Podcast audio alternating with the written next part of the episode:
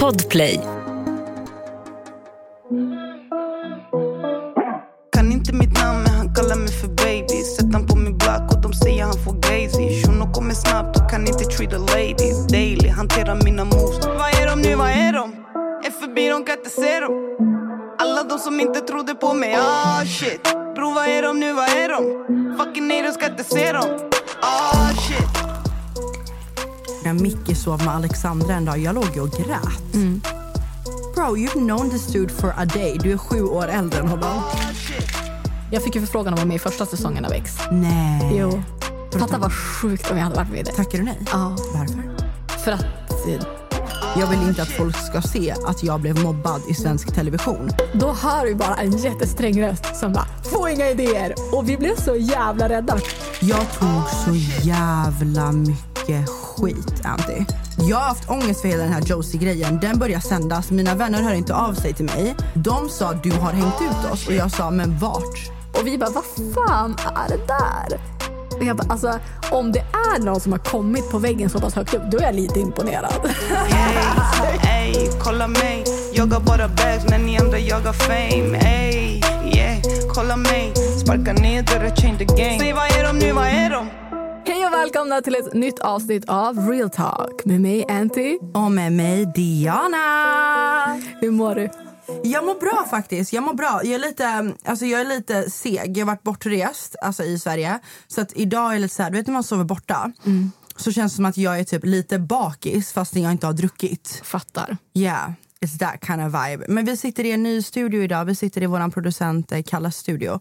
Och det är en musikstudio. Jag har så bra vibe här. Alltså det är så nice aura. Jag känner att det är lite sexig stämning här inne. Ja men det är lite sexigt. Det hade kunnat komma in en kille och vi hade kunnat gå in i det där lilla båset här. Åh oh, gud, Kalle vi kommer Ursäkta, absolut va? inte göra det. Vi kommer absolut inte göra det. Vår producent klipper där.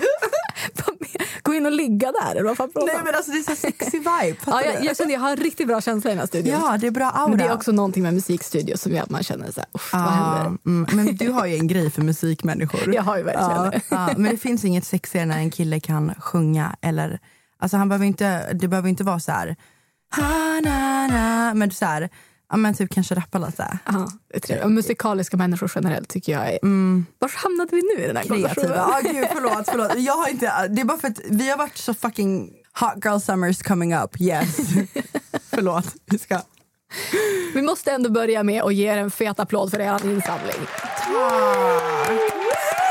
Det är fortfarande några dagar kvar när vi spelar in det här. Ja. Men eh, säg till dem, hur mycket har ni samlat in? På 12 timmar, eh, som jag nämnde i förra avsnittet och ni som kanske följer mig på Instagram har sett så har ju jag tillsammans med Jasmine Gustafsson gått ihop med Islamic Relief där vi samlar in pengar till ett sjukhus i östra Jerusalem på grund av det rådande som heter i Palestina eh, och till matpaket och sånt till familjer i Gaza.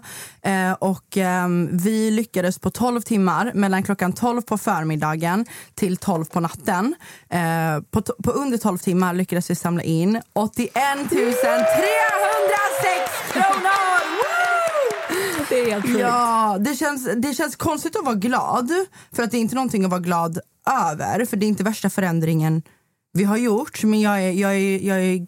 Fast jag tycker inte att du ska förminska det heller för att här är ju verkligen ett bevis på att både du och Jasmine har använt era plattformar till någonting positivt och vågat stå upp för någonting. För det känns som att idag att många influencers är rädda för att ta ställning och framförallt när det handlar om ja, man kanske inte har någon koppling till Palestina. Man kanske inte vet så här, kan, kan jag som ja, men I mitt fall då, kan jag som vit, vad kan jag reposta, vad kan jag stå upp för utan att det blir fel? Ja. Men jag känner att allt som är positivt och allt som kan hjälpa och ge awareness så ska man såklart göra det. Och sen så är det också svårt, alla influencers kan inte dela allting men vi kan ändå göra någonting och använda vår plattform till någonting fint och någonting positivt som kan hjälpa andra. Och i det här fallet är det verkligen en kudos till er som har styrt upp och gjort det här och jag tycker att det är skitfint och jag hoppas att vi kan se mer av sånt här i framtiden. Tack, vad fin du är. Jag var i telefon med han för, för jag var på landet igår eh, med Nattas familj och firade Eid. Eid Mubarak till er som firar det. Um, men så var vi där och så, så ringde chefen för Islamic Relief mig och sa att så här, han bara, vi har fått in över 81 000 på under 12 timmar men det är väldigt många tusen som inte är märkta. Um, vilket inte spelar någon roll för det handlar inte om våran insamling, det handlar om att det ändå kommer gå till rätt Exakt. grej. Det kommer ändå gå till samma sjukhus. Vi satte ju bara vårt namn på våran insamling för att vi skulle kunna spread awareness på ett annat sätt. För att jag nämnde det innan till Anty att när jag delade deras andra insamling som de startade några timmar innan våran så blev det inte samma räckvidd på det. Nej. Eh, men då sa han att vi har inte fått så här mycket sån, sån outreach, eller vad heter det? Ja. På, på alltså någonsin som vi har fått nu under sen jag och Chasse och alla som lyssnar. Det är ju tack vare er Ja. som det har spridits. Så jag vill bara säga tack så jätte- jättemycket. Jag satt och grät som en idiot igår. Men ja, Och den, ni samlar känsla. fortfarande in så vi får uppdatera i nästa avsnitt hur mycket ni samlade in när det var Jajamän! färdigt. Ni kan fortfarande donera eh, till Islamic Relief. Det är på 900 1819 tror jag och så skriver du in DJ. Fint. Ja. ja. Och på tal om förra veckan så blev det ett litet abrupt slut. För att du och jag har ju inte tendens att prata på som fan. Love it. Så vi klippte bort en del av förra veckans avsnitt på ämnet för att vi ville få, det skulle vara tydligt och vi vill att det ska vara någon form av struktur. Men vi Ja. kände ju absolut att vi inte var färdigpratade i ämnet. Så vi tänker att det här blir en uppföljning, lite av en del två. Vi fortsätter prata Ja. vidare om reality, om framförallt din tid i Paradise, för det hann vi inte djupa i. Va? Djupa i? Vi hann inte djupa i Paradise Hotel. Varför? vi hann inte ens börja prata om det i förra avsnittet. Så jag tänker att vi börjar direkt med det. Att du får berätta lite, så som jag berättade om min tid i, i Big Brother. Hur var Paradise för dig? Alltså, jag är jätteglad att jag var med i Paradise Hotel. Verkligen jätteglad. För att det startade ju igång min karriär på ett annat sätt. Jag jobbade ju fortfarande med sociala medier innan PH. Det har jag gjort sedan typ 2017, 16 typ. Men jag jobbar ju heltid med det nu och jag, har- det har öppnat så mycket dörrar för mig som det inte hade gjort annars. typ. Så jag är jättetacksam för det. Eh, samtidigt som det har tagit med sig väldigt mycket typ huvudvärk och drama också. För att folk i den här branschen, vi alla är så speciella på vårat sätt vilket är varför vi är i den här branschen. Hänger du med? Ja. Och antingen så klickar man eller så kraschar man tror jag. Ja. Men hur kände du innan du... Hur var liksom processen? Du sökte eller blev du kontaktad? Nej, alltså de från eh, eh, produktionen hade ju kontaktat mig sedan 2013. Ah, jag skulle okej. egentligen varit med 2013. Oh, Sen skulle jag varit med 2014, men då skaffade jag pojkvän. Eh, skaffade en ny pojkvän 2014, så då tackade jag nej då också. 15, 16, 17 och det var jag ju, bodde jag ju utomlands. Ehm, så att ehm, jag tackade jag, jag skrev till Aina, Lesse hon som var med, eh, att jag ville vara med när jag kom hem från USA. Och då sa hon bara, ja ah, men ringde mig och sen så whoops. a month later I was on a flight typ. Men var, hade du kollat mycket Paradise innan? Nej, absolut inte. Nej. Jag hade ju sett några avsnitt när Smile och Chasse var inne 2014 va? Ja. Ja. Sen hade jag sett, när jag, efter att jag blev castad och fick gå med så såg jag ju bara ett avsnitt när Helen och någon Jennifer var i ett akvarium, säsongen som sändes innan min. Ah. Så det var ju den jag hade sett. Men hur kändes det då? när du liksom... Vad var din känsla inför och alltså hur, hur var det versus vad du hade tänkt dig? Alltså grejen är, det är lite som du var inne på förra avsnittet. Att du så här, ah, men man kommer in med, in, alltså med tanken om att man ska typ komma överens med alla. Och jag är en sån i mitt privata liv. Du märker ju själv bara vi träffar folk här i studion eller du vet vi är ute och du vet med folk att jag är väldigt social, jag är väldigt lätt för att komma överens med människor. Så jag tänkte ju att Paradise Hotel skulle vara liksom a piece of cake. Du vet. Jag skulle komma in och klart jag skulle klicka med alla. Men jag fattade ju inte att de kastar ju människor så att man inte ska komma överens med varandra. Exakt. Så att personligheterna ska krocka med varandra. Och det ledde ju till att jag inte mådde så bra under min tid inne i huset på grund av typ Alltså typ Paradise Hotel går ju ut på att pakta och bilda, det är liksom tjejerna med killarna. Det är nästan på ett så sätt att tjejerna typ förför killarna. Ja. Det är verkligen så. Det låter så hemskt att säga men jag tror att de flesta som har varit med kan hålla med om att det blir ofta så här tjejerna med killarna, ah, det är jag och han och hon och han. Du vet så här. Man spelar ju väldigt mycket på känslor där. Ja, och jag hade inte en enda person som var min typ. Nej. Jag pussade typ Mickey i början. Men han var liksom 19 då och jag var liksom 26 när jag var Men inne. kände du att du behövde ha en sån connection där inne? Att du kände att du behövde ha en, ja, men en kärleks eller sexuell liksom, connection till någon för att det skulle funka? Ja, Ja, oj, okej, shit. jag gjorde fan det. För att jag kommer ihåg typ när Patrik, jag kände mig typ jätte utanför ibland. För att alla hade liksom någon de hade klickat med. Typ alla tjejerna hade någon de sa, åh han är så snygg, han är så söt. Och min typiska killsmak, du vet ju när jag har visat dig typ Jo, killarna, yeah, killarna jag alltså min typ är ju inte, det låter så fel att säga men det är inte den typiska reality-profilen. Nej. Jag gillar, hur, skulle, hur ska jag förklara det? Men jag tycker att du förklarar det bra. att Ja, men det är, det, alla vet. Om man säger den typiska reality-profilen, framförallt när det kommer till PH, då tror jag att alla får upp en bild. Ja. Så, och sen förstår jag också att det är skillnad att komma från, från LA framför allt. Alltså jag som har varit där, att det är jättestor skillnad att komma från LA och Thank bara you. att komma till Sverige. Och sen, så jag förstår att det är... Jag kan också tänka mig på hur mentaliteten är. Det är stor skillnad i USA på män framför allt i, i Sverige och i USA. Så jag förstår att det kan också bara ha varit en krock. Att så här, du är van vid en sak, du har bott där länge och vant in dig på hur, hur män är där. Och sen komma till, till Paradise där det också såklart är helt annorlunda än vad det är hemma i Sverige. Men, eh, men jag kan köpa den grejen, det här lite att man, måste känna, att man känner att man måste. Jag har inte varit där men jag, jag ser ju att man känner att det ska vara lite så här flörtigt. Lite, och kanske att det hade underlättat också om man hade haft någon form av intresse för någon för man hade Mycket. kunnat landa lite i det. Mycket. För jag kommer ihåg typ när Patrik checkade in. Patrik är säkert, alltså, han är jättevacker så. Uh, utseendemässigt liksom. Men, men det är inte min... Det är inte den, det är inte den typiska typen jag faller Nej. för. Liksom.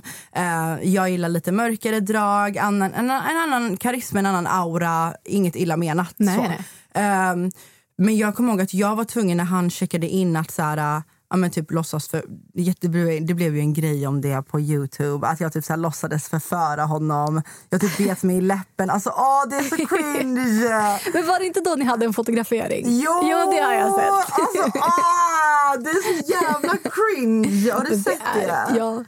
Jag tyckte alltså, det, han var ju inte min typ men jag fick ju verkligen låtsas som att det var min typ. Men vadå, så är det ju. Alltså på samma sätt som jag sa förra veckan, att det, blir ju, det är ju såklart när det är pakter att man gör allt man... Bro I felt cheap. Alltså, Nej, vet, men- att bara så här, Alltså vet du vad, fuck it.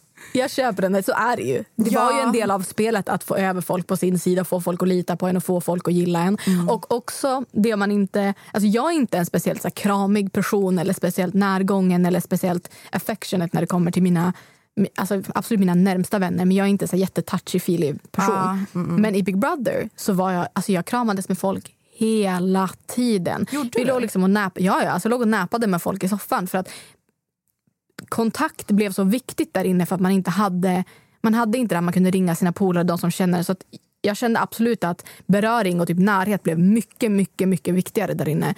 Och alltså mina polare på utsidan, de bara så här, du har kramat folk i Big Brother mer än du har kramat oss på hur många år har vi känt varandra? alltså, Gud, jag relaterar verkligen till det, för så är det. Så kan jag också tänka att det är i Paradise, att man därför vill känna någon som man gärna Mm. vill ja, men kanske ja, men krama lite extra och att det inte blir stelt, även om det är nära vänskap eller att det är lite flörtigt. Ja, men alltså, alla känslor där inne blev så starka också. Jag kommer ihåg när Mickey sov med Alexandra en dag. Jag låg och grät. Mm. Bro, you've known this dude for a day. Du är sju år äldre än honom. Ja, alltså, ja, men- Jag trodde ju att jag var kär i Mickey Ja. i två dagar. Sen trodde jag att jag var kär i Arvid. Mm. Men ändå sen när jag och Mickey blev typ som bröder, alltså syskbröder. Man bara, du blev bror. Det duellmor? Nej, men så, så blev det ändå att typ så här, vi låg och kramades. Nu när du säger det, det är fan sant. Ja. Jag tror att alla kan relatera till Jag det låg och kramades med typ Erika, med, med Tanja. Men därför tror jag att man kommer ut sen och bara, vad är relationerna? Vad, har de, vad är det för någonting? Och jag kan absolut tänka att man blir förvirrad om man kanske dessutom har intresse för någon om man har sett i Big Brother. Nu har ju folk verkligen varit så här, vad är det för grej typ, mellan Ma- Madde och Adrian till exempel.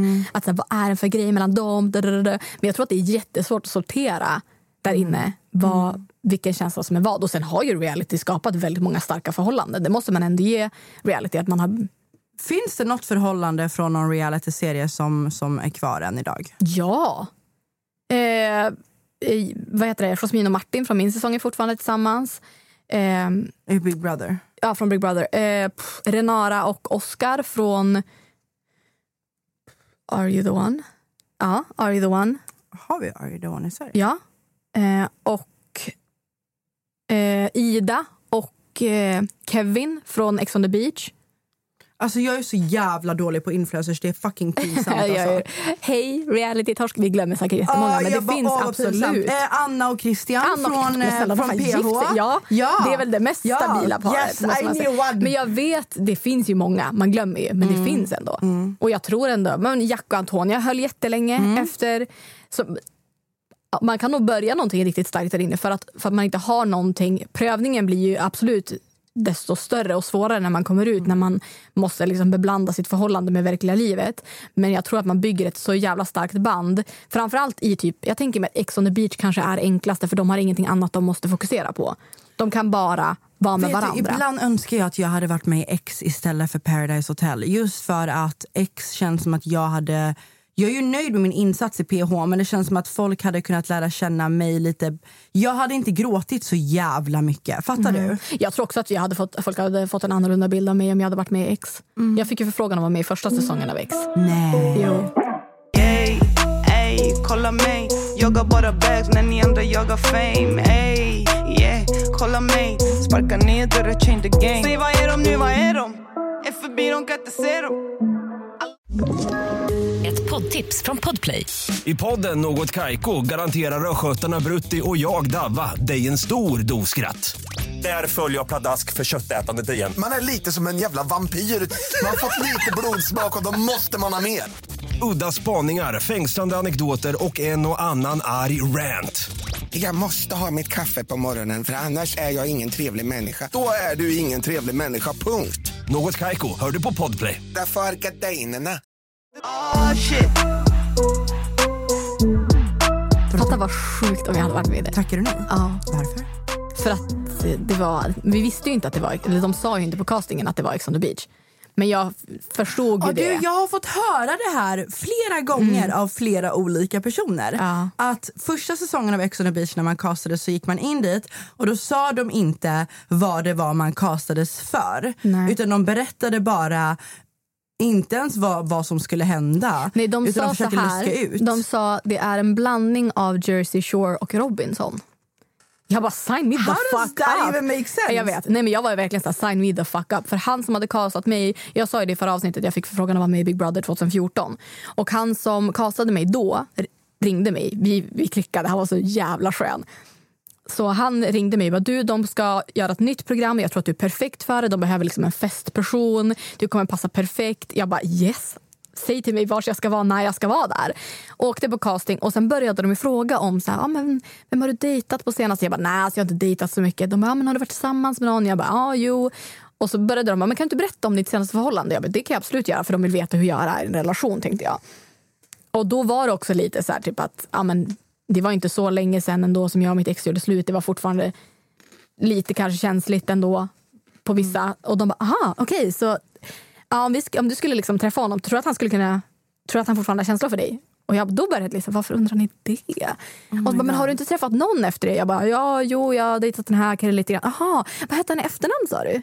Och då var ju jag så här, jag bara wait. Och sen gick de ut ur rummet och då satt jag verkligen, jag satt själv, jag bara det här är Ex on the beach. Och då frågade jag också, är det här Ex on the beach?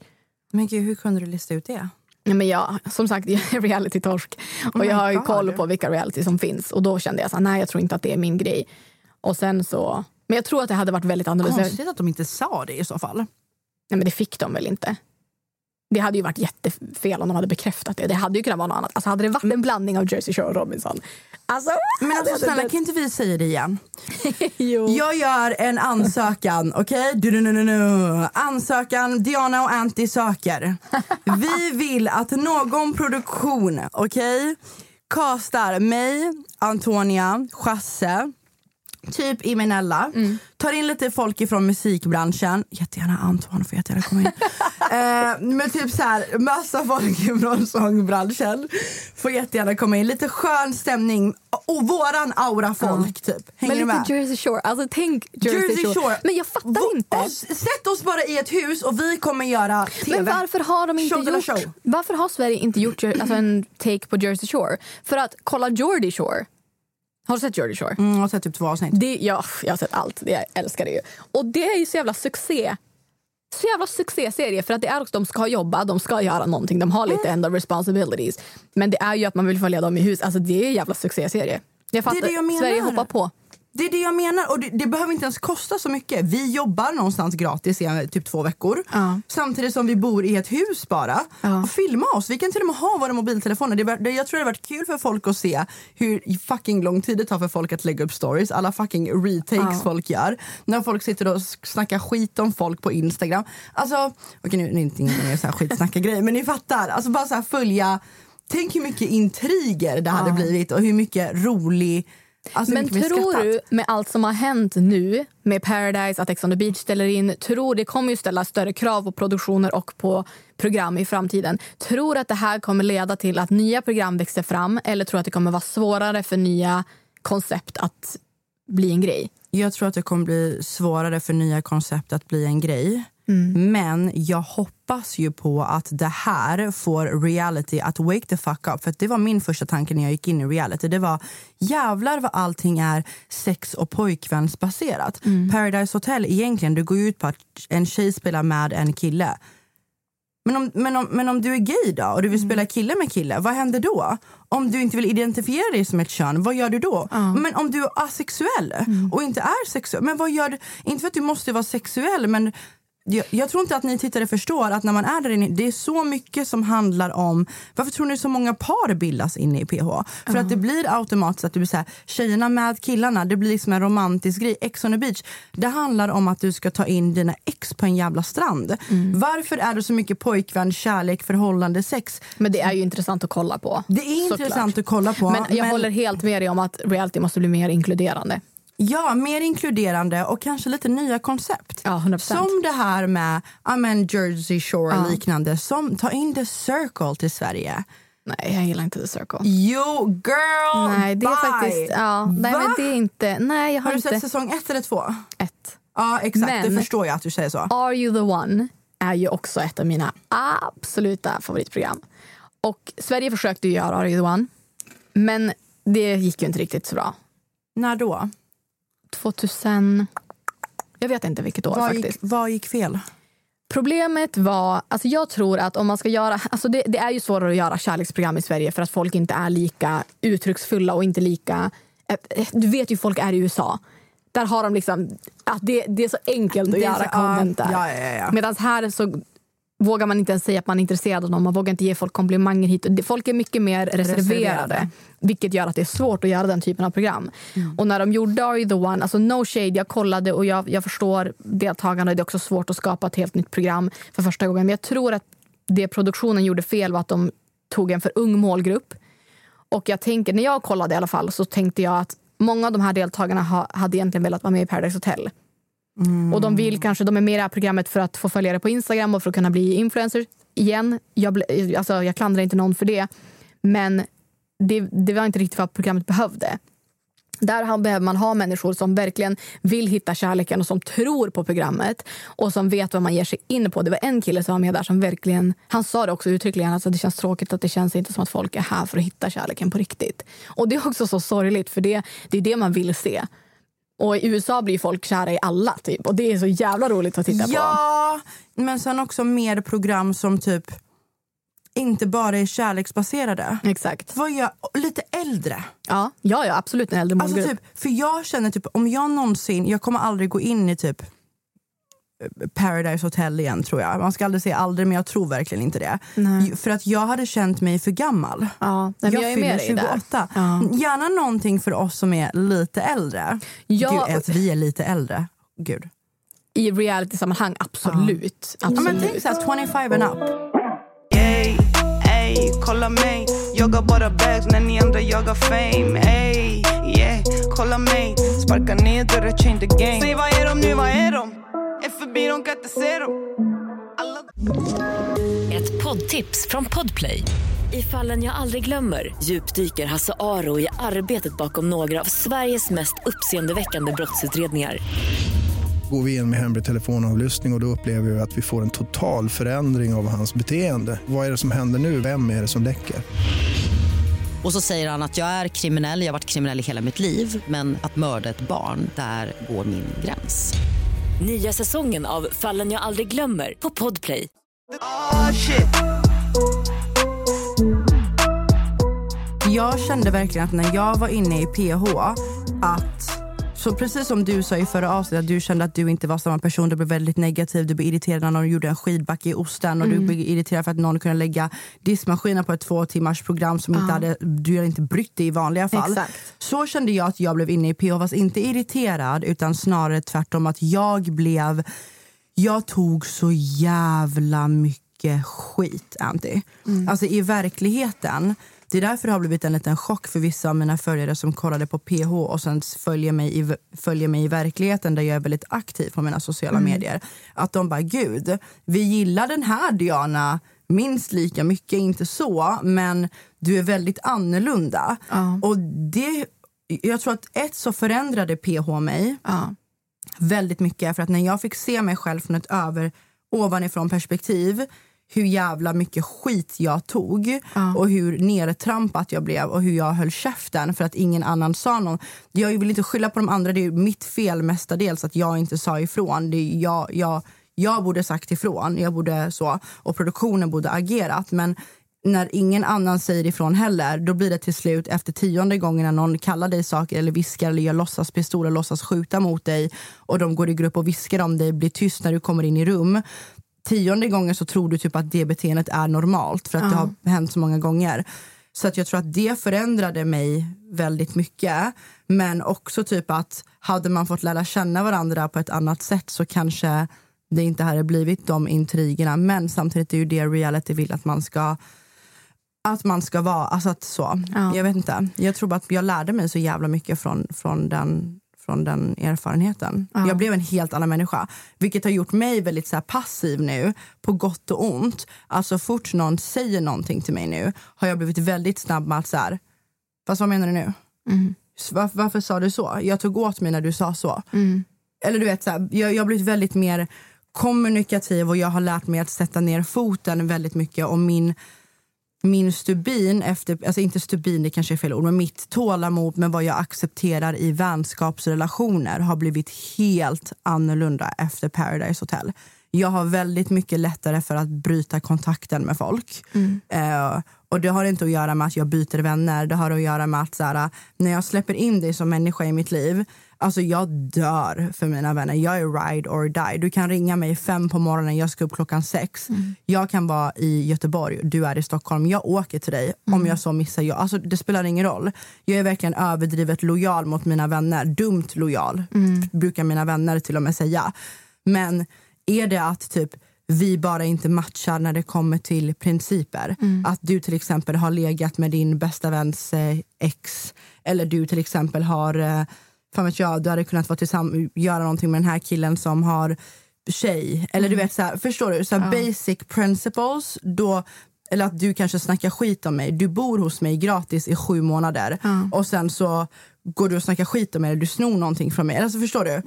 När det kommer till så här basic grejer som jag vet att jag inte kan kompromissa med så har jag fått väldigt lätt att säga upp kontakten. Ja. Och det vill jag faktiskt ta upp i det här avsnittet.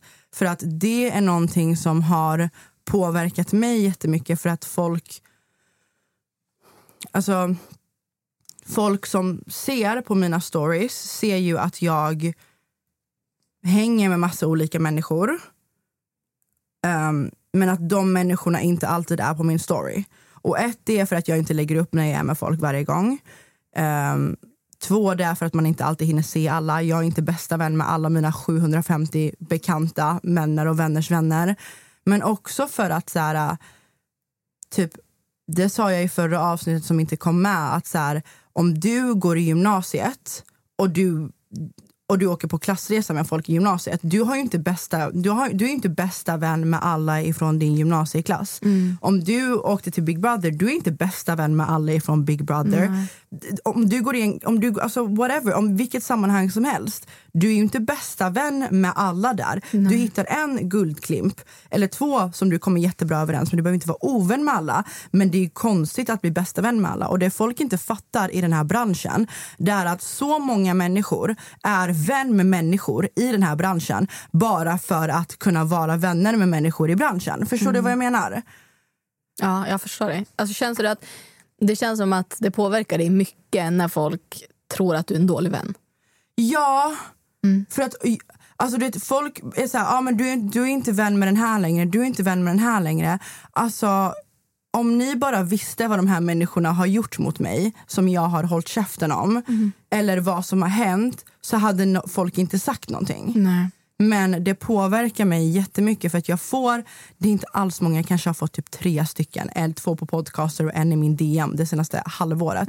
Men det gör väldigt ont i mig för att jag har velat ta upp det i podden men jag har blivit så jävla rädd för vad jag vågar säga och inte säga i podden. Typ som för något avsnitt sen när jag inte ens vågade säga, typ, jag vågade inte ens berätta om min vecka för att folk skulle hata typ. Men det har påverkat mig jättemycket att folk tror att jag bara hoppar av vänskapsrelationer. Jag vill att ni ska veta att så här, när det kommer till basic principer och typ vad folk har gjort mot mig privat som folk inte vet om. Bara för att jag inte har gått ut med vad de har gjort mot mig så betyder det inte att det inte har... Alltså, Nej, men är man, om man tar, det är klart att om man tar stolthet i att en, vara en bra vän så blir man ledsen när folk tror att man inte är det. Ey, ey, kolla mig Jagar bara bags när ni andra jagar fame Ey, yeah, kolla mig Sparka ner dörrar, change the game Säg vad är de nu, vad är de? Är förbi, de kan inte se dem Ett poddtips från Podplay. I fallen jag aldrig glömmer djupdyker Hasse Aro i arbetet bakom några av Sveriges mest uppseendeväckande brottsutredningar. Går vi in med hemlig telefonavlyssning och, och då upplever vi att vi får en total förändring av hans beteende. Vad är det som händer nu? Vem är det som läcker? Och så säger han att jag är kriminell, jag har varit kriminell i hela mitt liv men att mörda ett barn, där går min gräns. Nya säsongen av Fallen jag aldrig glömmer på Podplay. Oh shit Men där är det också det folk ser, eller det man ser i sociala medier är ju inte alltid verkligheten. Nej. Och som bra vän så kan man också bara låta saker vara för att man vill inte göra en grej av det i sociala medier. Det är klart att man inte behöver, det har ju ändå varit en vänskap. Jag skulle inte heller om jag slutar vara vän med någon så behöver inte jag lägga ut en förklaring på min story. För att bara för att man följer mig så har jag inte skrivit på ett kontrakt att jag måste dela allt i mitt liv. exakt. Och jag, jag är likadan där. Jag är också extremt lojal. Och där, då blir man, alltså då blir man, det tar hårt om någon säger att man skulle vara, inte vara lojal eller att man skulle behandla sina vänner illa. Och det är ju jättesvårt i just i reality. Jag, jag kan ju se till mig själv i Big Brother. Jag var bara där i tre veckor. Och jag, de jag klickade med från början var jag så pass lojal mot så som jag är med mina vänner på utsidan. Exakt. Och det kan jag också, jag fattar att, att jag var 100% lojal in i dumhet i Big Brother. Jag stod upp för Mergim alla gånger och det fick jag skit för. Men jag, så är jag som person. Jag kan inte ändra på hur jag är som vän. Men sen så kan idag, gått in idag, så hade jag nog varit lite mer sparsam på min lojalitet. Eh, inte för att jag ångrar att jag stod upp för honom, men jag ångrar att det gick ut över mig. För att det folk heller inte såg i den aspekten att, att jag jag hjälpte ju också Mergim där inne. Jag vet inte, alltså, det fick jag också. De som faktiskt såg det var ju så här, shit vilken bra vän du var där inne. Ehm, och det var också så här, när han väl bad om ursäkt till gruppen till exempel som var en stor vändpunkt för honom i huset var ju då hade vi suttit inne i bikten tidigare och jag hade sagt jag tycker att du ska göra så här för att han kände sig jättemissförstådd. Och jag sa samla gruppen, be om ursäkt, förklara dig, prata med psykologen. Och det var såna saker som hände men som inte syntes. Så då Nej. såg det istället ut som att jag hade daltat med honom och agerat mamma till honom när han betedde sig illa. Och sen åkte jag ut och han förändrade sig och fick cred för det. Medan jag bara såg ut som att jag var den som backade honom när han betedde sig illa. Och så här, men, men jag var ju den som försökte lösa upp konflik- konflikter och försökte hjälpa honom när det var som jobbigast. Så att, att jag fick skit för hans dåliga beteende när det var jag som försökte hjälpa honom ur det. Det, är så här, det tycker jag är tråkigt. Men eh, Jag förstår verkligen vad du menar för att allting kommer inte heller med på kamera. Exakt. Och det där är ett gott exempel på att så här, hade det där varit på utsidan till Mm. exempel, då hade folk bara sett att så, ah, men Fattar du vad jag menar? Ja, ja, Alltså, absolut. Du, de hade inte sett hela bilden av det. Och jag vill att folk har i åtanke också att så här, men hur många har ni kontakt med från gymnasiet? Mm. Alltså om ni, om, hur, många, hur många, handen på hjärtat, Mm. om ni tror att ni går in i ett hus efter 30 dagar, ni har varit inne i 30 dagar, whatever. Hur många av de människorna har ni kontakt med efter två år? Men man tvingas ju också, det är det här som är så svårt att förklara, men man tvingas ju skaffa nära vänner där inne. Ja. Man måste ju ha vänner för att annars Ja. kan man inte vara där inne. Ja. Så vissa vänskaper kom, de är bara så här, det är för att vi måste vara vänner och vi måste ha varandra. Och sen kommer man ut och då har man helt plötsligt andra människor som är viktigare. Man har sitt jobb, man har ett liv som, och saker kommer som emellan. inte alltid funkar med alla andras liv. Och Jag tror att alla vi är så jävla olika. Jag vet inte varför jag blir så upprörd när vi pratar om den här frågan. Märker du det? Att jag Ja. blir jätteupprörd. Jo, men det, ja, det har Jag tar märkt. verkligen jätteilla vid. Ja. För att jag har fått flera DMs där folk säger så här, ah, men Diana, de har till och med satt diagnoser på mig och bara Diana byter vänner, huller om buller. Diana, du har inte så mycket kontakt med folk ifrån din säsong. Eh, och jag vill bara säga att ibland så, jag tror att jag fick lära mig väldigt mycket om mig själv och mina principer och vad jag vill i en vänskap efter att jag kom ut ifrån PH. Eh, jag är väldigt, eh, jag, jag har mina barndomsvänner, jag har min cirkel, jag har mina vänner som jag älskar och dör för. Jag behöver egentligen inte några nya människor i mitt liv på det sättet. För att jag, är väldigt, jag har hellre en mindre cirkel som vi snackade om eh, med folk jag litar på. Och ni måste förstå att om ni gick gymnasiet med en person så har ni inte kontakt med varenda människa ifrån gymnasiet. Jag har kontakt med en handfull av människor ifrån min säsong, av typ kanske 30 pers. Eh, och jag är jätteglad och tacksam för de relationerna, för att de relationerna är äkta. Det är väldigt mycket som händer bakom kulisserna som ni inte får se.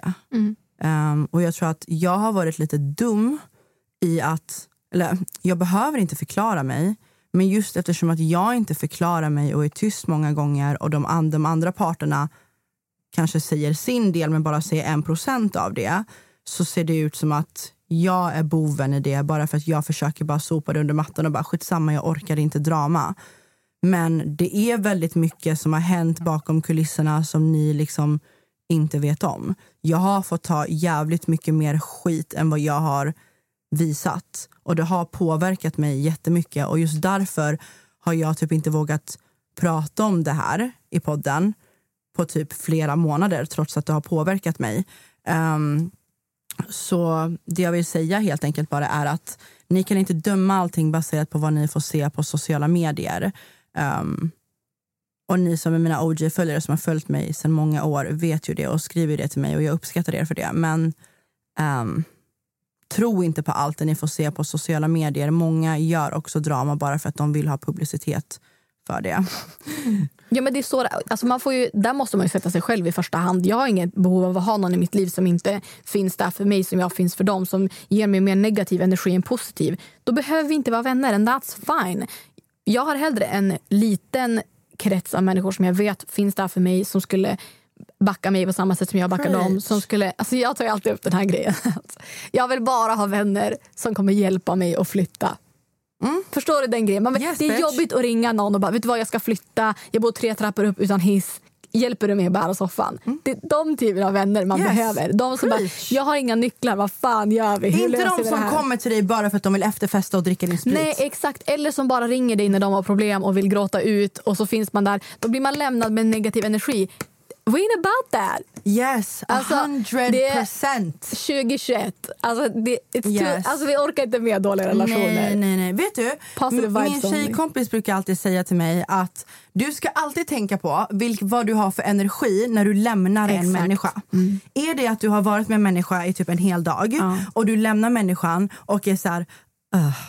Man är drained. Typ. Yes, then that's not the one. Nej. Men i, lämnar du en vän, och kanske inte när man sitter och jobbar, Nej. men så här, lämnar du en människa och ni har varit ute och festat och du är så här, Ja.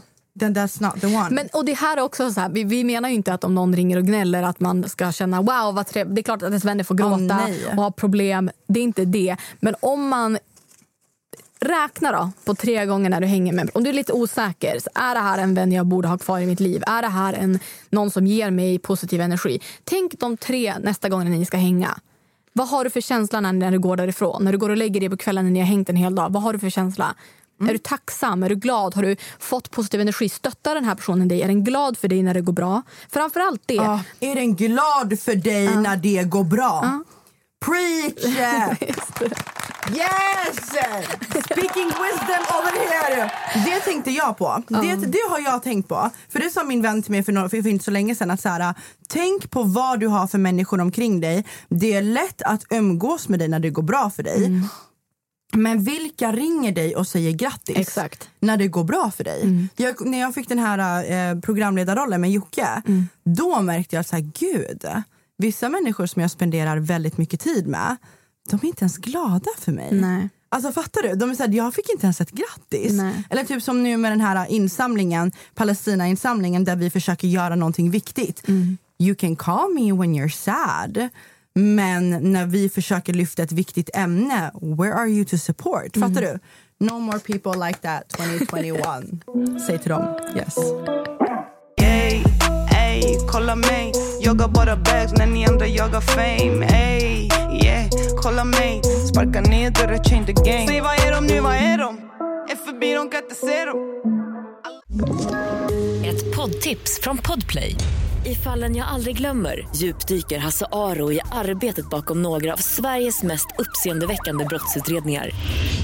Går vi in med hemlig telefonavlyssning och, och då upplever vi att vi får en total förändring av hans beteende. Vad är det som händer nu? Vem är det som läcker?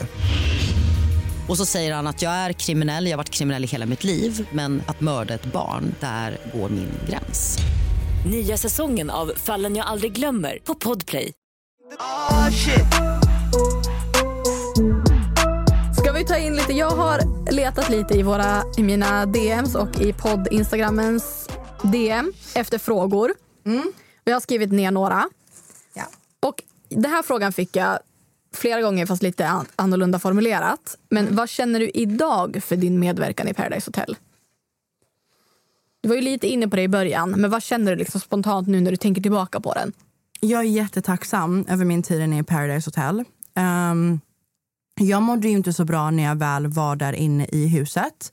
Jag ville ju lämna huset väldigt många gånger. Alltså det var på den nivån att en gång när jag lämnade hotellet så, alltså Arvid stod vid trappan där man lämnar liksom huset och han reagerade ju inte ens på att jag lämnade. Alltså han var bara så ah, men nu är det Diana som lämnar igen. Alltså du vet för att jag lämnade huset så många gånger för att jag ville åka hem. Mm. Men produktionen övertalade ju mig gång på gång på gång att snälla var kvar, du kommer bli stjärnan i showen. Och jag bara, men nej jag mår dåligt. De bara, men stanna kvar. Alltså du vet. Är du glad idag att du inte lämnade? Idag är jag faktiskt glad att jag inte lämnade. Idag är jag på ett sätt glad att jag tog skit. Mm. För att det fick mig att vakna upp till att inte vara så jävla dumsnäll. Det har fått mig till att kunna cut the strings mm. med folk mycket lättare. Jag ångrar däremot jag ångrar att jag kom folk så nära efter programmet. Okej. Okay. Va? Ja. Du ångrar att du var nära med folk på utsidan? Ja. Alltså okay. Jag ångrar att jag blev så bra vän med vissa av deltagarna efter programmet. Mm -hmm. Varför det? För att jag gjorde så mycket för så många som jag inte vill gå in på. Okay. Uh, och sen när det väl kom till kritan för mig, uh -huh. uh, över en grej som jag hade haft ångest över, -huh. så, så kände jag inte att jag fick samma sak tillbaka. Ehm, och då fick jag höra att så här, men du har för höga förväntningar. Men det mm. handlar inte om att ha förväntningar. Alltså fattar du? För att jag hade liksom, ja jag ångrar att jag gav för mycket av mig själv. Att jag var för dumsnäll. Mm. Ja, alltså där kan jag ju känna igen mig. För Jag tror att vi ser li ganska lika på lojalitet. Men 100%. jag har också tyvärr den hårda vägen lärt mig att man kan inte förvänta sig att folk ska vara lika lojala en som man är lojala dem. För Nej. att alla har inte samma synsätt på det. Och Ja, det, det är svårt att inse, men så är det ju. Att jag kan bara ta ansvar för hur pass bra vän jag är. Och sen så kan man såklart, man ska såklart förvänta sig att sina vänner är bra vänner tillbaka. Men just lojalitet är en sån sak som folk ser väldigt olika på. Mm. Och att, eh, att när det är en ny relation och framförallt eller ja, även om det är en gammal, det har jag också fått lära mig att man kan, alltså, när det går dåligt för en eller när folk det är lätt för folk då att bara gömma sig lite grann. Exakt. Så här, jag kommer, det, det, det är det jag menar lite som det du nämnde med, med, med dig och Mergim inne i Big Brother-huset. Mm. Att du backade honom in till den nivån att du fick skit för Mm. det. Det gjorde jag väldigt mycket för folk på utsidan. Mm. Eh, där, jag fick, där jag gick in i konfl- deras konflikter och räddade, alltså inte räddade upp, det är fel ord, men jag gick in i deras konflikter och tog det på största allvar som att det vore mina konflikter. Mm. Där de, de kanske blev vän med den personen sen. Mm. Trots att de inte gillade personen, men jag blev den dumma nu. Ja. Förstår du vad jag menar? Ja, ja, men så har jag också alltså, exempel på att när man har liksom tagit sin väns sida i ett... Alltså om en, om en person blir illa behandlad av någon, Mm. då är jag alltså automatiskt, ja, men då har jag ett problem med den personen om den har behandlat min vän illa. Ja, Men, men då blir det också ett problem sen om den personen bli vän med Ja, den in- personen. exakt, inte tycker att det är... Man bara, men vänta nu, nu blir det jättekonstigt för nu har jag stått upp för dig. Ska du bara... Ja, det blir, det blir svårt. exakt, exakt. Många av mina konflikter är så. Ja, Fattar du vad jag menar? Eller Och- inte konflikter, men du fattar. jag fattar vad du menar. Ja, det blir ju det blir svårt. Mm. Men som sagt, det är, jag tror att det är lite på oss också. Att vi får kanske vara lite mer... Fast nej, för jag tänker inte sluta vara, vara så pass... Jag, jag kommer vara en bra vän och sluta det med att jag hamnar i skit för att jag är en bra vän. Fuck it, jag har ändå varit en bra vän. Preach, preach. men, men det är svårt. Det är tricky Jag kommer situation. fortfarande cut the strings med människor som jag känner så här. Vet du, en grej jag måste bli bättre på dock, Ja. det är att eh, ha lite mer ytliga relationer. Alltså kunna vara lite hej hallå. Ja, absolut. Förstår du vad jag menar? Men jag tror också att du och jag måste jobba på att förmedla vår, vad, hur vi känner lite mer. För det känns som att både du och jag, vi, vet, vi känner oss själva så pass bra att vi kanske tänker att ah, men det, är- det är självklart. Absolut inte. Jättesvårt. Jättesvårt att läsa av dig i... Jag kan säga ja, men hon kanske, men jag har ingen aning. Nej. På samma sätt som ny, framförallt som nya relationer, fan ska de veta? Och jag har folk som jag har känt i flera år som bara, jag vet fortfarande inte alla gånger hur du känner i situationer för att jag är ganska dålig på att... Jag är expert på att få folk att känna att de känner mig fast de inte gör det. Ah. Att så här, vi kan hänga, vi kan ha skitkul och du säger men fan vi är, vi är vänner men du vet egentligen inte så mycket om mig.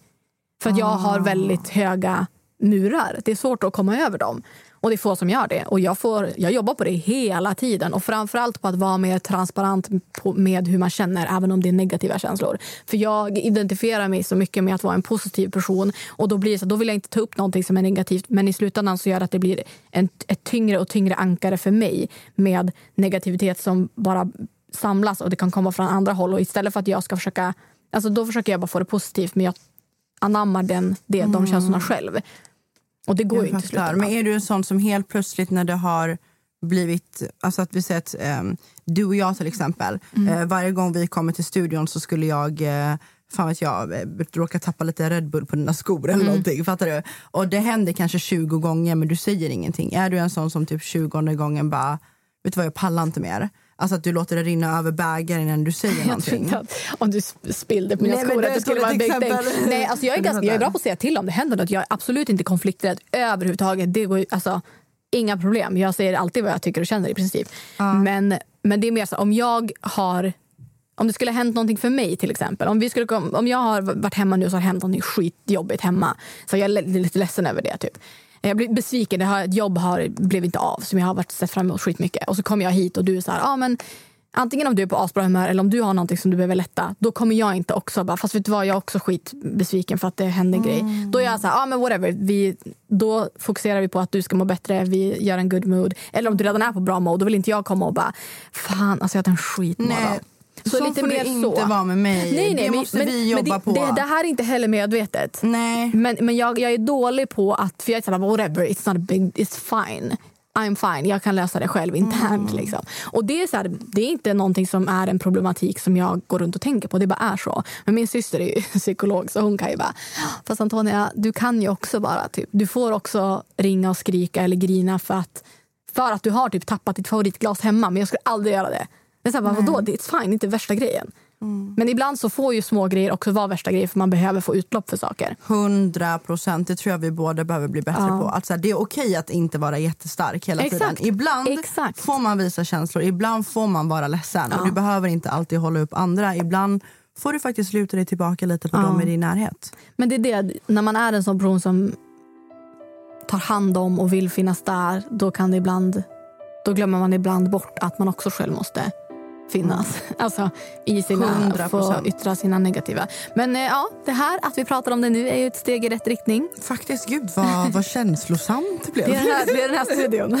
Ja, jag älskar, men jag gillar verkligen viben här för det är good vibes här inne. För er Ja, det som är det ser, det är, så här, det är blåa, blåa ljus, lite så här ljudisolerat, en datorskärm som är lika stor som en tv. Ja. Ey, ey, kolla mig Jagar bara bags när ni andra jagar fame Ey, yeah, kolla mig Sparka ner dörrar, change the game Säg vad är de nu, vad är de? Är förbi, de kan inte se dem Ett poddtips från Podplay. I podden Något Kaiko garanterar östgötarna Brutti och jag, Davva, dig en stor dos skratt. Där följer jag pladask för köttätandet igen. Man är lite som en jävla vampyr. Man har fått lite blodsmak och då måste man ha mer. Udda spaningar, fängslande anekdoter och en och annan arg rant. Jag måste ha mitt kaffe på morgonen för annars är jag ingen trevlig människa. Då är du ingen trevlig människa, punkt. Något Kaiko, hör du på Podplay. Därför är gardinerna. Oh shit Vi har också fått jättemånga frågor. Vad händer med dig och Tanja? Hur ser er relation ut idag? Och sen har jag också fått frågan, ångrar du idag att du la upp på din story att du var besviken på folk? För det var väl lite så det började, den här sprickan mellan dig och Tanja om jag har förstått det rätt. Exakt. Ehm, det var ju så det började mellan mig och Tanja. Vi hade ju en jätte, jättebra relation på insidan framför allt. Ehm, men också på utsidan hade vi en ännu starkare relation. Ehm, och det hela började ju med att jag la ut en story. Jag, jag, vi spelade in Paradise Hotel 2019. Det sändes nästan i slutet på 2020. Så det har gått ett helt år. Så vi säger att du och jag har varit i Mexiko och spelat in en hel säsong. Du och jag har umgåtts var och varannan vecka. Åkt, du har åkt till Stockholm, jag åkte till Göteborg för att hälsa på dig. Vi har en väldigt bra och stark vänskap vid det här laget. Tanja visste om att jag hade väldigt mycket ångest över det här med Josie, att det skulle sändas. För att som du och jag pratade om nu, vi har väldigt svårt för att visa känslor privat. Vi, jag, jag vill alltid visa mig stark. Jag vill inte att folk ska se att jag blev mobbad i svensk television. För er som lyssnar kanske det är så här, men gud det är bra att visa sig sårbar. Men för mig är det jobbigt att visa känslor för att jag är den som alltid vill ta hand om alla andra. Sen får ni tycka vad ni vill om det. Men så, så att när det här med Josie blev en grej så det spred sig som en löpeld.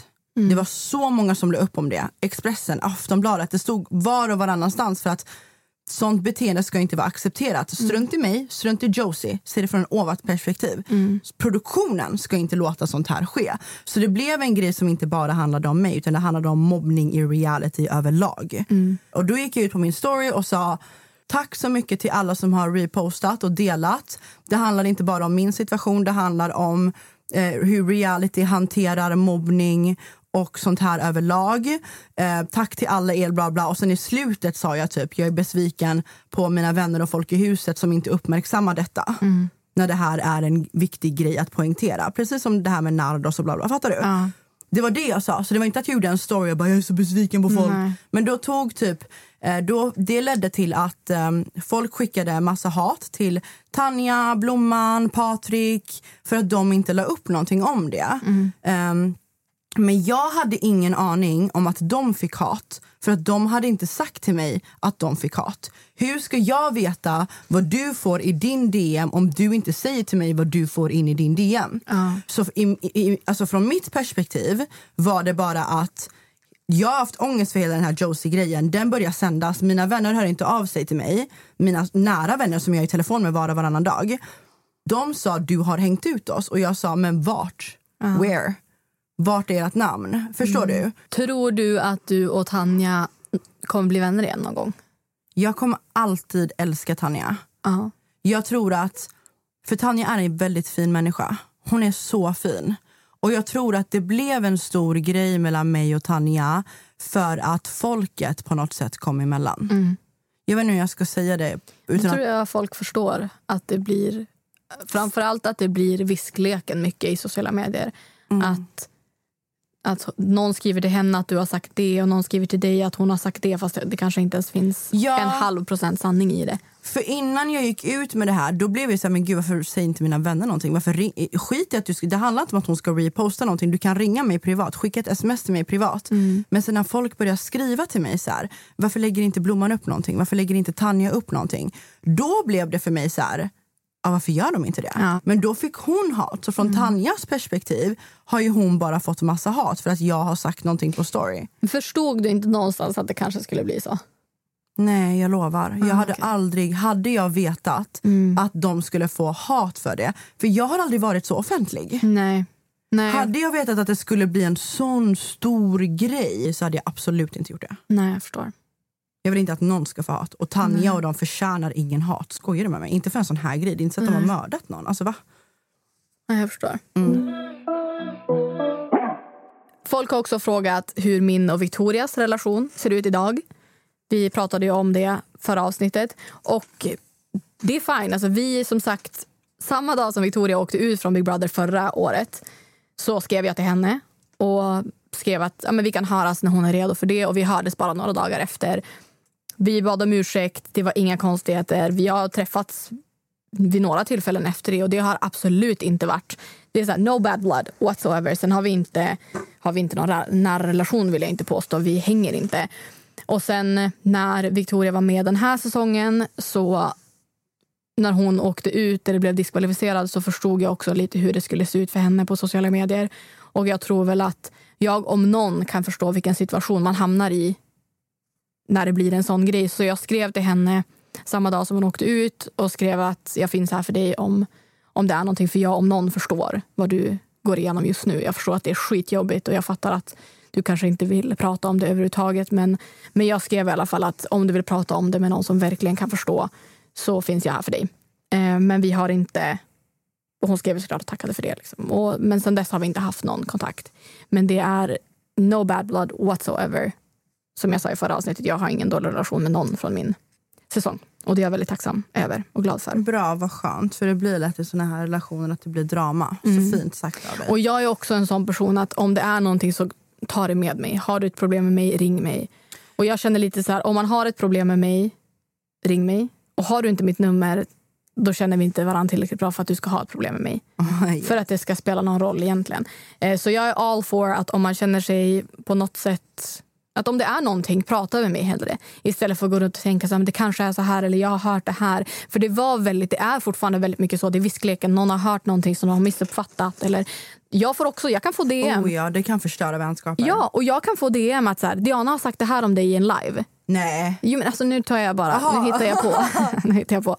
Och att jag får DM att så här, ja, men, eh, det här har sagts om dig från den här personen. Och så frågar jag, så här, "Ha, men Diana har du sagt att jag är dum i huvudet?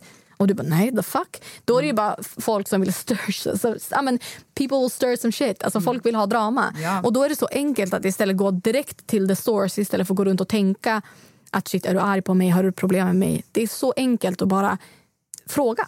Jag är all for it. Alltså, ta, vi kan ses på en fika. Jag är inte, jag är inte svår att ha med att göra.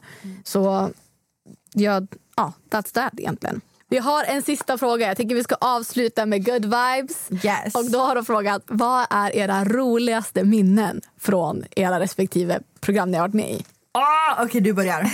Jag tycker det här är jättesvårt för att som sagt, för mig så har det verkligen tagit ungefär fram tills idag till att jag kan kolla, alltså, tänka på min tid i Big Brother och tänka på roliga saker. Det har verkligen varit skitjobbigt. Jag har haft eh, dåligt samvete, jag har haft ångest, jag har verkligen haft en klump i magen. Men roliga saker hände ju där inne. Vi hade ju kul många gånger. Och eh, alltså det här är så random, men en av de roligaste grejerna var när jag och Lenny och Lisa städade badrummet. Det här kom inte med. Jag, jätte, jag tycker det är jättetråkigt att det inte kom med. Jag gillar att städa. Så jag tog mycket städansvar i huset. Och det märktes när jag åkte ut, kan jag tala om. Eh, Men jag, framförallt, jag hatar att ha stöket i badrummet. Jag tycker det är så jävla äckligt. Och det var äckligt. Det var liksom piss på väggen, det var kiss på Men golvet. för fan på väggen. Ja, och det var så jävla roligt för då, då stod jag och Lenny och skrattade och, och städade där inne. Och så vi, då var det liksom en fläck på väggen ganska högt upp och vi bara, vad fan är det där? Och jag bara, alltså, om det är någon som har kommit på väggen så pass högt upp, då är jag lite imponerad. alltså, vi stod liksom. Och så ledde det till att jag och Lisa höll och pratade massa, massa sex. Men sen också alla gånger som vi har blivit tillsagda i bikten som inte har kommit med. Jag vet att jag och Amelia, för att i bikten så var det dubbeldörrar. Och då sa vi det att så här, jag bara, men jag kom, man skulle kunna ha sex här inne för man öppnar en dörr så täcker den kameran och så har man en dörr stängd så man står liksom i en liten fyrkant. Jag bara, här, you can do bits in here utan att det kommer med. Älskar att du tänkte Och, så. vi stod, och då står vi bara så här och så säger någon, för de pratade extremt sällan med oss i bikten. Det var alltså väldigt, väldigt, väldigt sällan. Och då hör vi bara en jättesträng röst som bara “få inga idéer”. Och vi blev så jävla rädda för det var första gången någon pratade med oss i bikten. Så vi, alltså, vi började skratta så mycket. Alltså, jag la mig typ ner på golvet för att det var så roligt. Och såna grejer kan jag tänka tillbaka på att satan var kul. Och också de gångerna vi, bara, så när vi gick och la oss typ, och låg och fnittrade i sängen. Och bara, det var som en klassresa. Och när vi skrämde varandra. Och, och såna grejer. Så det är några Fan, vad nice. Du då? Åh, att du kommer ihåg! Ja, jag, jag har bra minne, jag säger Girl, ju det. my memory is so bad. Jag kommer inte ihåg. Ja, men jag vet inte, det var väl typ så här, ja, men när jag och Emma ehm, byggde typ slott eh, för, med, med kuddar och lakan och sånt för att det inte skulle kunna komma in djur. Eller när jag och Patrik typ låg och sov och det ramlade ödlor. Det var typ kanske 10-15 ödlor ovanför på taket varje kväll när vi skulle gå och lägga oss. Och det ramlade liksom ödlor på oss. Så ibland kunde du bara höra så här. Och då var det en ödla som bara ramlade i ditt ansikte. och de är så söta och små. Det var en ödla. Ja, och Patrik har så jävla dåligt med morgonhumör när man väcker honom eller när han ligger och sover. Så han började ju alltid skrika. Jag bara, Varför är du arg på mig? Det är inte mitt fel att en ödla ramlar på dig. så, här, ja. Så typ sådana grejer. Är det något som du, så här, när du kom ut, så här, hoppas det här har kommit med i programmet som inte kom med? Som var något så här moment som du bara, det här måste ha kommit med. att jag och Emma byggde fort. Jag tror inte ni förstår. Alltså, jag byggde fort. Vi byggde fort i typ sju timmar. Med typ stolar, lakan, vi satte upp grejer överallt. Eller typ när jag och Tanja hade rakskola. Det men- hade jag fan velat se. hon hade en epilator Ja. och hon skulle lära mig hur man epilerar så att, för det växer inte ut lika fort. Ehm, så vi hade så här rakskola där vi satt och typ rakade alla killarna. Jag hade barbershop där inne. Alla killarna klippte jag. Ja. Uh, Mickey rakade ju av sig håret där inne. Så jag hoppade ju in i badkaret och började raka hans hår. Och då så klippte jag, för mycket produktionen ringer in och skitsur för man får inte raka håret. Man får inte klippa sig där inne. För att de ska kunna klippa och klistra hur de vill. Just det, just det. Just det. Helt plötsligt hade- hade Mickey kort hår och de blev skitsura och jag bara men jag ska hoppa in och rädda det här. Jag har aldrig snaggat någon så jag råkar raka av han bakhåret. Folk kommer in, skriker, jag står och trimmar Alexanders skägg, han blir helt fläckig. Det är så jävla mycket som händer som inte kommer med. Typ jag och Tanja hade ju twerkskola. Hon hade ju twerkskola i Big Brother nyligen också. Hon och Nardos skulle lära Emily att twerka. Jag älskar Ja, de hade någon galen tjejkväll i Big Brother nyligen. Var... Åh. Ja. Ja. Det är det, reality är ju kul. Men det är också... Det kommer med, med både för och nackdelar. Tack som fan för att ni har lyssnat på veckans avsnitt. Tack till er som följer oss på vår podd Instagram, som DMar oss, som ställer bra frågor. We appreciate you. We love you guys. Att jag så satt i halsen med mitt egna saliv. Fy fan vad äckligt. Med det sagt, glöm inte att följa oss på vår podd Instagram, Anty och Diana. Jag heter Diana Moseni på Instagram. Och jag heter Anty. Tack för att ni lyssnar älsklingar. Nytt avsnitt varje fredag. Puss och hångel! Puss puss! Vad är de nu, vad är de? Är förbi, de kan inte se dem Alla de som inte trodde på mig, ah shit Bro, vad är de nu, vad är de? Fucking haters kan inte se dem Ah shit Ett poddtips från Podplay. I podden Något Kaiko garanterar östgötarna Brutti och jag, Davva, dig en stor dos skratt. Där följer jag pladask för köttätandet igen. Man är lite som en jävla vampyr. Man har fått lite blodsmak och då måste man ha mer. Udda spaningar, fängslande anekdoter och en och annan arg rant. Jag måste ha mitt kaffe på morgonen för annars är jag ingen trevlig människa. Då är du ingen trevlig människa, punkt. Något Kaiko, hör du på Podplay. Därför är gardinerna.